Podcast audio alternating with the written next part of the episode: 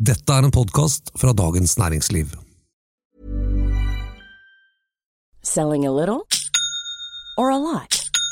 Shopify helps you do your thing however you cha-ching. Shopify is the global commerce platform that helps you sell at every stage of your business. From the launch your online shop stage to the first real life store stage, all the way to the did we just hit a million orders stage.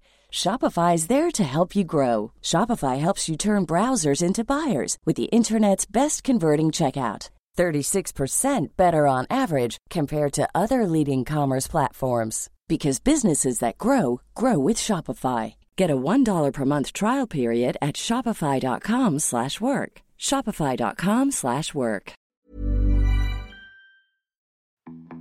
Det er ikke lenger penger på gaten å hente for selskaper som trenger mer kapital, slik det var for et par år siden. Nå må selskapene ty til kreative metoder og store rabatter for å få tak i mer penger. Det kan bety store tap for aksjonærene. Det skal vi snakke om i ukens episode av Finansredaksjonen, en podkast som lages av oss her i Dagens Næringsliv. Jeg heter Anita Hoemsnes og er kommentator i DN. Og jeg heter Terje Erikstad, finansredaktør. Og jeg heter Torisson Jensen og skriver om aksjer.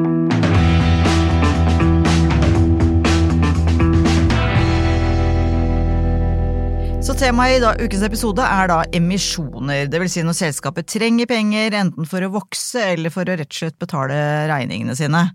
Så går de ut i markedet da, prøver å finne disse pengene. Men i motsetning til for et par år siden, så er det litt knapt, det er litt stramt der ute. Og da blir det kreativt, gjør det ikke det, Terje? Det gjør det. Det er um, en uh, vanskelig situasjon når et selskap begynner å gå tom for penger. Hvordan skal de klare å hente inn nye uten å ødelegge verdien for mye for eksisterende aksjonærer? En emisjon er jo, som du sa, en kapitalutvidelse. Det kan være at man entrer inn gjeld, da emitterer man et obligasjonslån, men vanligvis når vi snakker om det, så er det å hente inn ny egenkapital. Og i prinsippet kan du gjøre det på to måter. Du kan eh, finne noen investorer som er villige til å gi deg ny egenkapital, i bytte mot eiendel, at de får aksjer i selskapet, selvfølgelig. Det er en såkalt rettet emisjon. Og så har du den andre som skal i teorien være den standardemisjonen. Det er at alle eksisterende aksjonærer får fortrinn til å tegne aksjer. Eh, fordi det er det som loven legger opp til, at det skal likebehandles og at eksisterende aksjonærer skal ha fortrinn fremfor ikke-eksisterende aksjonærer. Og, og, min kollega Thor her har jo uh, fått litt å skrive om, fordi det er et par selskaper som har varslet emisjoner på en helt ny måte uh, i det siste. Ja, det er jo helt riktig. Jeg tolker det som ren desperasjon fra disse selskapenes side. For det er, de to selskapene det er snakk om nå helt, helt på det siste nå som har hentet penger, det er jo da dette selskapet som heter Otovo som eh, selger solcellepaneler til, eh, til å sette på, på, på, hustak, og så er det, det andre var da flyselskapet Norse eh, Atlantic. Og Begge gikk ut og varslet at de kom til å gjøre en emisjon, men de sa ikke noe om når den skulle skje, og hvordan den skulle se ut, eller hvor mye penger de skulle hente. Og da skrev jeg en børskommentar, og det var for Otto-tilfellet. Det var jo ren amatørskap. Det er jo veldig merkelig å man vet jo det at eh, hvis du kommer ut med en sånn melding, så vil kursen falle. og Hvis ikke du engang forteller at du kan si noe om at du har garantert tegningsbeløp, eller noe slikt, så er du i hvert fall garantert at kursen kommer til å, til å, stupe. Men nå har jeg gått og fundert litt på at det er kanskje ikke så amatørmessig allikevel. for når vi så på Norse Atlantic, så tror jeg det var en villet handling. For at styret fikk jo da gjort det så fiffig at om, eh, advare om denne emisjonen, men uten å si noen detaljer, så kollapset kursen, og da kunne de som fikk tegne seg, de fikk plutselig kjøpe en hel masse billige aksjer. Det er jo helt uh, genialt. Det høres jo som... ikke riktig ut. Ikke sant? Er du gæren? er, er, er, er, det blitt noe grann nå i aksjemarkedet? Selling a little or a lot? Shopify helps you do your thing however you cha-ching. Shopify is the global commerce platform that helps you sell at every stage of your business. From the launch your online shop stage to the first real life store stage, all the way to the did we just hit a million orders stage. Shopify is there to help you grow. Shopify helps you turn browsers into buyers with the internet's best converting checkout. 36% better on average compared to other leading commerce platforms because businesses that grow grow with Shopify. Get a $1 per month trial period at Shopify.com slash work. Shopify.com slash work. Ever catch yourself eating the same flavorless dinner three days in a row? Dreaming of something better? Well, HelloFresh is your guilt-free dream come true, baby. It's me, Kiki Palmer. Let's wake up those taste buds with hot, juicy pecan-crusted chicken or garlic butter shrimp scampi. Mm. Hello Fresh. Stop dreaming of all the delicious possibilities and dig in at HelloFresh.com. Let's get this dinner party started. Life is full of awesome what ifs, and some not so much, like unexpected medical costs. That's why United Healthcare provides Health Protector Guard fixed indemnity insurance plans to supplement your primary plan and help manage out of pocket costs. Learn more at uh1.com. Nei, Oslo Børs har jeg skrevet, det, er, det ser ut som en dårlig spagettivestern. Altså, det er vill vest der ute nå. Folk gjør hva som helst, og tilsynelatende får lov til å gjøre hva som helst for å hente disse pengene. Og det, er, det er noe som har kommet nå de, de siste året spesielt. og det var som dere sa, ikke, I 2021 da fikk du jo kasta penger etter deg. Noen dårlige foiler, noen løse planer og noen intensjonsavtaler. Powerpoint, da. Det er, du skal, det fort, det er fort gjort å bli imponert av powerpoint. Ja, da kunne du få kasta etter deg milliarder av kroner, ikke sant? men nå er tyter penga veldig, veldig ikke så løse i det hele tatt, veldig vanskelig å få tak i de pengene.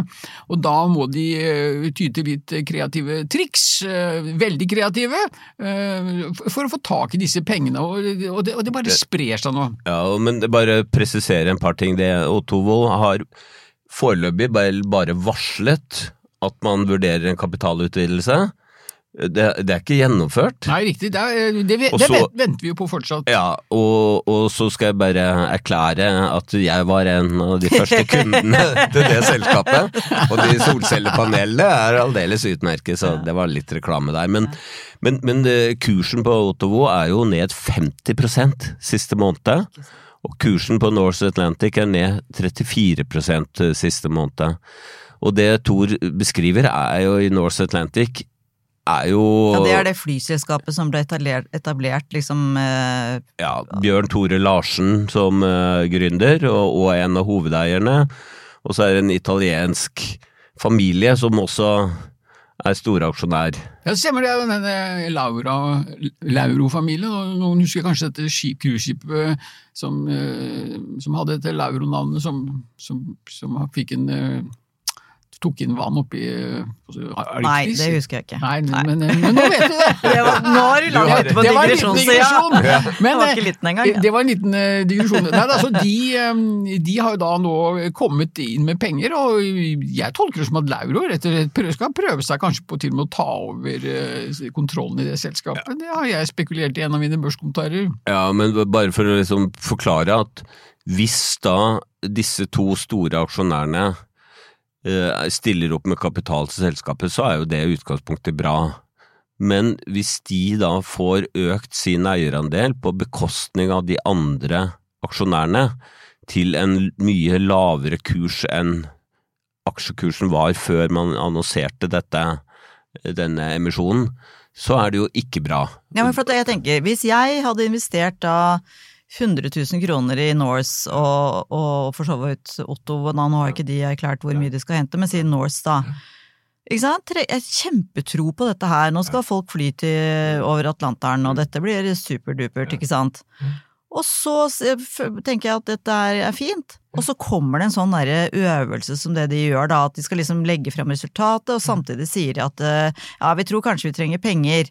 Og så driver de liksom med noe under bordet som gjør at jeg som eh, vanlig privataksjonær har jo ikke et nubbsjans til å skjønne hva er det som er greia. Nei. Eneste jeg ser, at nå er de 100 000 blitt til 50 000. Ja, og ikke sant. Eh, du vil som eksisterende aksjonær oppleve at dine aksjer blir mye mindre verdt. Så kommer da de to største aksjonærene inn og sier vi skal eh, gi selskapet mer penger men da får de lov til å kjøpe seg inn etter at kursen har falt, og da får de en mye større andel av selskapet. Så du blir da vannet ut. Mm. Uh, og de, de, store aksjonærene som får fortrinn til å kjøpe, som jeg forklarte, de får da en større andel av selskapet, og på en måte kan du si at ja, kanskje det er kanskje alternativet ville vært konkurs på et eller annet tidspunkt, og da mista du jo all, all verdi. Da var det ikke bare 50 000, da var det null. Ikke sant? Så, så det er alltid sånn det er nesten alltid sånn at styret i et selskap som i utgangspunktet skal likebehandle aksjonærene. For da, hvis du var aksjonær der, så skulle jo du få tilbud om å kjøpe til samme pris som dem. Det er jo det man skal gjøre etter loven. Nettopp. Men, Men- reagerer ikke Oslo Børs på dette her, Tor Christian? Nei, overhodet ikke, og det kan man jo forstå, forstå også, fordi at eh, Oslo Børs tjener jo masse penger på disse selskapene. så Her er det bukken og havresekken, så det kan man jo aldri forvente at Oslo Børs skulle rydde opp i dette her. Men eh, en annen ting er jo Finanstilsynet eller Finansdepartementet eller, eh, eller Ja, hvem er det som har ansvaret for å følge opp verdipapirloven? Er det Finanstilsynet, ikke sant? Ja, de er jo den operative, men i siste ende så er det jo også Finansdepartementet som liksom, det er jo Finansdepartementet sin, sitt, sitt uh, lovverk, holdt jeg på å si. Men, men, men så er det jo kanskje som Terje sier, hvis alternativet er konkurs, vel, vel, ok, hva, hvor prinsipprytter øh, skal, skal man være? Og så er det jo slik at hvis man da velger å gå for en sånn rettemisjon, så står det i anbefalingene og i loven at okay, da skal du argumentere for hvorfor du gjør det, og det har jo disse meglerhusene tilretteleggere blitt veldig flinke på. De skriver side opp og side ned om hvorfor akkurat dette selskapet må få lov til å gjøre det. og det har som oftest med at eh, hvis du kan gjøre en rettedemisjon, så får du penga mye fortere enn med en sånn tegningsrettsemisjon. Det kan jo ta måneder og år før du får tak i de pengene, og da kan jo i hvert fall selskapet være konk. Så det er risikoen for at du klarer å få gjennomført transaksjonen er en veldig viktig argument for, for det. Og så et annet viktig argument, at du klarer å gjøre det til en mindre rabatt. Og det har vært et gyldig og godt argument for hvorfor man har gjort rettemisjoner. Nei, nå skjønte jeg ikke mindre rabatt. Ja, ikke sant, fordi at eh, disse aksjene som tegnes, de blir jo alltid med en, med en rabatt i forhold til det som er markedskursen. Og da har den rabatten for rette emisjoner typisk vært sånn rundt 10% og det må si er, er greit, da. Eh, Mens i fortrinnsrettsemisjoner så er det jo vesentlig eh, høyere rabatter, men det kan man også argumentere for at det er ok, fordi at da får jo alle mulighet til å tegne seg til den rabatten. Men, og det er poenget, det som har skjedd nå med disse rabattene på også de rette emisjonene, nå blir det veldig vanskelig, men disse rabattene her har også økt eh, voldsomt, og vi snakker jo opp i 30-40 så det blir en ekstrem utvanning for de småaksjonærene, minoritetsaksjonærene, som ikke får lov til å være med. Og da er det et instrument som heter eh, reparasjonsemisjon, som man da også bruker som et sånt fikenblad for å si at ja, vi tar vare på småaksjonærene, vær ikke redd, for de skal da gjøre, eh, utstede noen ekstraaksjer, ekstra aksjer, som de små som ikke fikk være med i den rettede emisjonen, de får da tegne seg. Men det, poenget er at utvanningseffekten blir svært sjel- sjelden eh, eh, reparert, fordi at eh, de reparasjonsemisjonene er ganske små. De er små i forhold til det antall aksjer som de eh, som fikk fortrinn. Eh, eh, fikk da, kjøpe. Men når vi snakker om rabatter, eh, så er det, ikke sant, sett fra en, et, en investor, eh, et investorperspektiv, så blir du bedt om er du villig til å skyte inn penger i dette selskapet. Og jo mer risikabelt det selskapet er, hvis da det er et flyselskap som skal fly over Atlanteren, og vi vet hvor eh, risikabelt flyselskaper er, det- vi har vært innom flyselskaper som eh, som Er ikke det du bruker å si, Tor, at den, den eh, enkleste måten å bli blakk på Eller er millionær, det er å starte som milliardær og investere i flyselskap. Ja, ja. Men jeg må fort meg skynde meg at det er ikke jeg som har funnet på det, men jeg synes det er et fantastisk godt utsagn, så jeg bruker når jeg kan. Og da, hvis, som du begynte med i podkasten med Anita, hvis da investorene er blitt mer forsiktige, rentenivået har gått opp, så det er dyrere å å si, eh, skaffe seg kapital, for renten er jo prisen på kapital, så må selskapene bli villige, eller Kreative. er kreative, som du sa, og da må de gi mer rabatter for å få nye investorer inn. Så Det er jo også et uttrykk for at det er et mye vanskeligere marked enn det vi hadde for kort tid siden. Og, og, og, så det, det er på en måte lett å sitte her i studio og kritisere selskaper som er desperate på jakt etter kapital, men, men det, er, det er likevel sånn at det er viktig for tilliten til disse selskapene over tid at de likebehandler aksjonærene i størst mulig grad, at de prøver å få ned rabatten i størst mulig grad, fordi hvis du da har eh, kjøpt aksjer i et sånt selskap og opplever at plutselig så blir det halvert fordi selskapet oppfører seg ikke pent mot deg, Mm. så er du Kommer ikke tilbake da, vet Nei, du. du ikke det. Du blir ikke langsiktig aksjonær Og, men det er også, selskap. ikke sant, Norse er jo én ting. De har jo da, de sa først at eh, vi skal ha en emisjon, aner ikke hvor mye videre, men uka etter så sa de så og så mye penger trenger vi, og vi har fått inn penger fra disse største aksjonærene. Men Ottovo, har de noen gang Altså, hvorfor sier du at du trenger penger? Jeg tror, jeg tror begge de to selskapene de annonserte jo disse eh, mulige emisjonsplanene samtidig som de la fram sine tredjekvartalstall. Og begge selskapene fremstilte som om at de inne i, er inne i en veldig god periode og trenger penger til vekst. Eh, og det, det kan jo være sånn i visse tider er det jo sånn er det virkelig slåsskamp om å få være med på disse emisjonene. Du kan nærmest øh, selge inn aksjer, ikke til rabatt, men til overkurs, liksom. Altså, altså til, over markedskurs omtrent, fordi eh, Alle vil være med, liksom. Alle vil være med. Det er et Mm. kjempehot selskap, og her er det superduper eh, fremtid. Eh, og da, da, da kan en emisjon liksom, Da er det voldsomt overtegnet, eh, ikke sant? Så det er veldig sånn markedsavhengig hvordan eh, dette eh, blir, da. Mm. Og, og jeg tenker at likheten mellom de to selskapene var, eh, er at de, de prøvde å selge inn en dårlig nyhet, pakket inn med, med egentlig mye positiv eh, Og det kan godt være. Jeg kjenner jo ikke fasiten om, om eh, de kommer til å få lønnsom vekst fremover, men det er det som er liksom salgsargumentet, da. Ja, og det er jo en annen sånn klassiker i aksjemarkedet. Altså, du, har eh, disse eh, informasjonsrådgiverne, det er jo blitt en kjempesvær industri. Det er tjukt av den type selskaper som selger disse rådene til, til selskaper.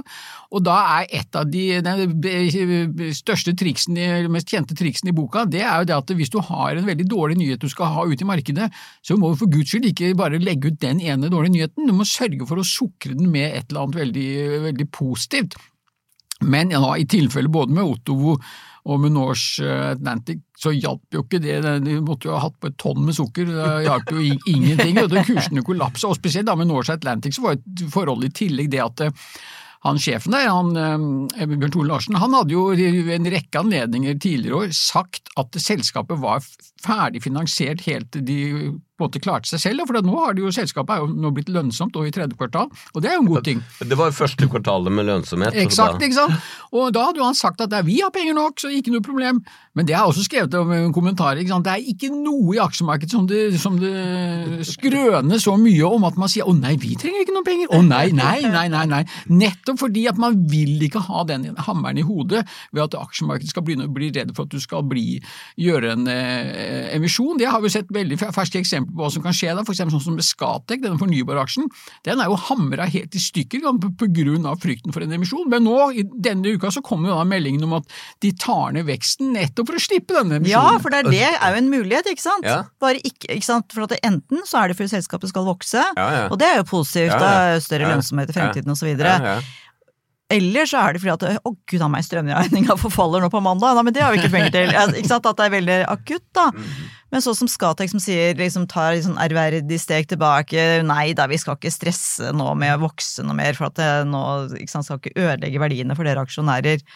Ja, jeg vet ikke helt, men jeg, sier- jeg, jeg, jeg vet ikke helt, men jeg sier ærverdig, for det er jo superpinlig. For at Styret i selskapet har jo stått på det. Å nei, vi skal vokse og vi skal investere i lenge. Men der må jeg si en ting til. at de hadde jo ikke bare skulle vokse, men de skulle også dele ut utbytte. Og det er jo, ikke sant, et selskap eh, Hvis et selskap genererer eh, kontanter som eh, er større, altså beløpet er større enn det du trenger for løpende utgifter og investeringer, så kan du jo velge, da, å dele dem ut til aksjonærene i form av utbytte, eller kjøpe tilbake egne aksjer. Eh, og, og det er klart, hvis du både skal dele ut utbytte og vokse, så trenger du mye kontanter. Og det var jo det Skatek varslet at nei, nå skulle det slutte å dele ut utbytte. Og så steg kursen kraftig, og det er jo veldig uvanlig, fordi vanligvis er det sånn at et selskap som kutter utbytte, signaliserer til aksjonærene at nå går det dårlig, Mm. nå har vi ikke råd til å betjene dere med utbytte. Og da faller kursen nesten alltid. Men her steg kursen kraftig, og det er jo interessant fordi da var det nettopp frykten for emisjon som ble redusert, og da, da ble nåværende eiere mer trygge på at ikke plutselig kommer en melding som gjør at uh, kursen faller kraftig og man må gi rabatter, som vi har snakket om. Og så er det et annet selskap som også har gjort en liten avart av, eh, av kreativitet, og det er eh, biofarmasiaksjen Nykode Therapeutics, som tidligere het Wackybody, eller hvordan det nå uttales. De ville ha emisjon, men ikke fordi de trenger penger, nei, nei, nei, nei, nei, men fordi de skal børsnoteres i USA, og da vil de gjerne ha noen aksjer å tilby disse internasjonale investorene. Kjøpte du den, eh, Jensen? Nei, jeg synes jeg var veldig, den var veldig kreativ og veldig morsom. At, og jeg kan se eh, altså De har jo rett i det at eh, altså, de, de ønsket jo da å få en litt mer eh, internasjonale eller internasjonal aksjonærbase, det er for de skulle børsnoteres der borte. og Denne børsnoteringen har de jo snakket om eh, lenge. Og det, og det, og det, og det er riktignok, hvis du ser på den eh, aksjonæroversikten i det selskapet, det er jo bare norske aksjonærer. Så, da kan jeg godt forstå at de, de, de, må, de må, må gjøre noe triks. Men også skal du selge en masse aksjer med stor rabatt til noen, til noen hedgefond og noen amerikanske hedgefond eller et eller annet. Det er jo en, en litt snodig fremgangsmåte, synes jeg. Og ikke noe kult mot de som, nordmennene som da har investert i Nykode. Nei, for det senker jo verdien på, på aksjene. Mm. Men det er også eh, noe som er vanlig i forbindelse med børsnotering, er jo at man gjerne eh, utsteder nye aksjer, eller er nødt til å gjøre det, fordi eksisterende aksjonærer vil gjerne være med videre, og hvis du skal være børsnotert, så må det være eh, aksjer å, å kjø, få kjøpt. Og da utvider man eh, aksjekapitalen og inviterer til liksom, nye investorer til å komme inn. Et sånt spredningssalg, da. Og det, det er jo som regel eh, altså, Hvis man treffer da på børsnoteringen med timingen på markedet og verdivurderingen av selskapet osv., så, så går det ofte bra. Altså det, blir, det kan bli en fin opptur for eksisterende aksjonærer. Da er ikke en emisjon negativt, da en emisjon positivt. Og jeg vil jo veldig gjerne si at jeg heier på Nykode Therapeutics. Altså, de driver ja, med kreftvaksiner. Ja, Så om noen aksjonærer taper litt penger hist og her, akkurat, det er greit, på en måte. Det, det er liksom for, the better, for liksom the greater good.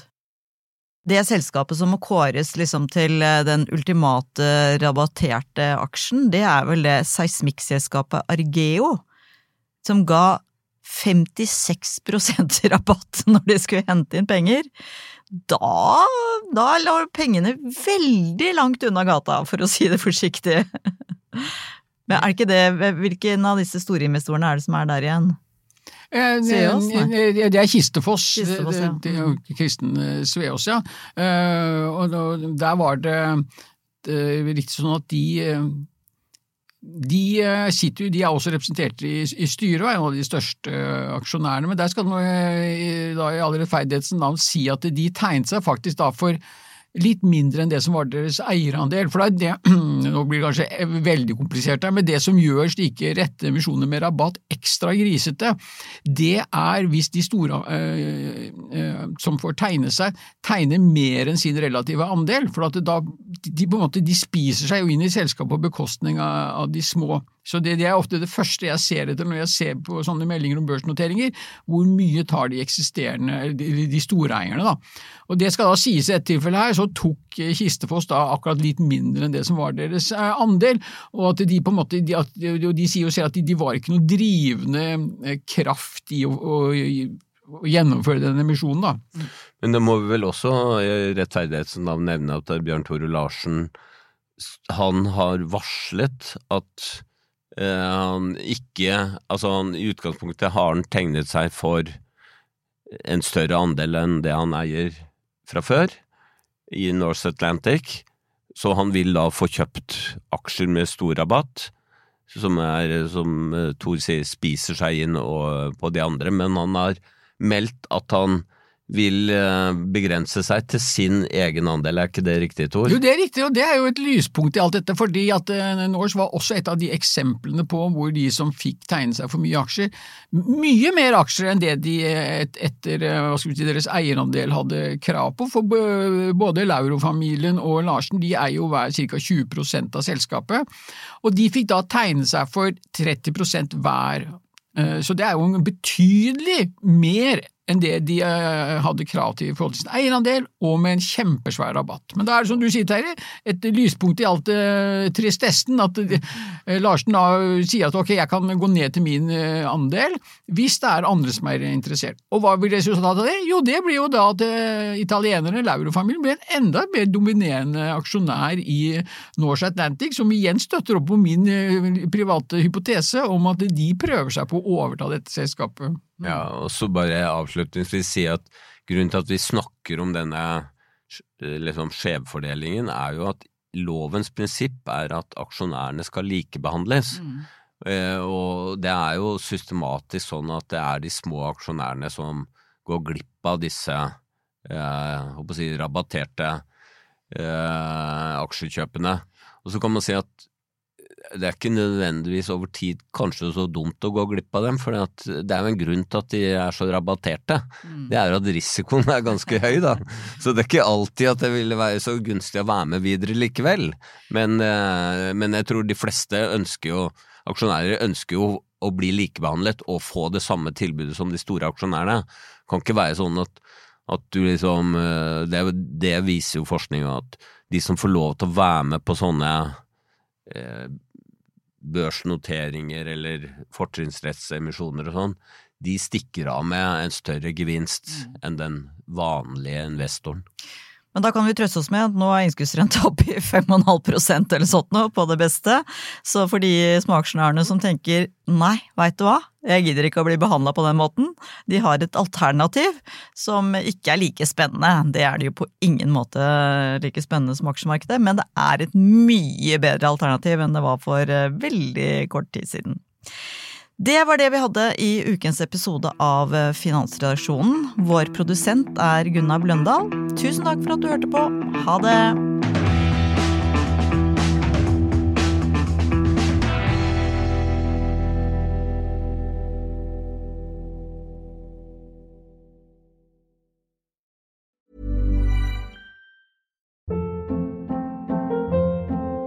Hold up. What was that? Boring. No flavor. That was as bad as those leftovers you ate all week. Kiki Palmer here, and it's time to say hello to something fresh and guilt-free. Hello Fresh. Jazz up dinner with pecan-crusted chicken or garlic butter shrimp scampi. Now that's music to my mouth. Hello Fresh. Let's get this dinner party started. Discover all the delicious possibilities at hellofresh.com. Du har nå hørt en podkast fra Dagens Næringsliv.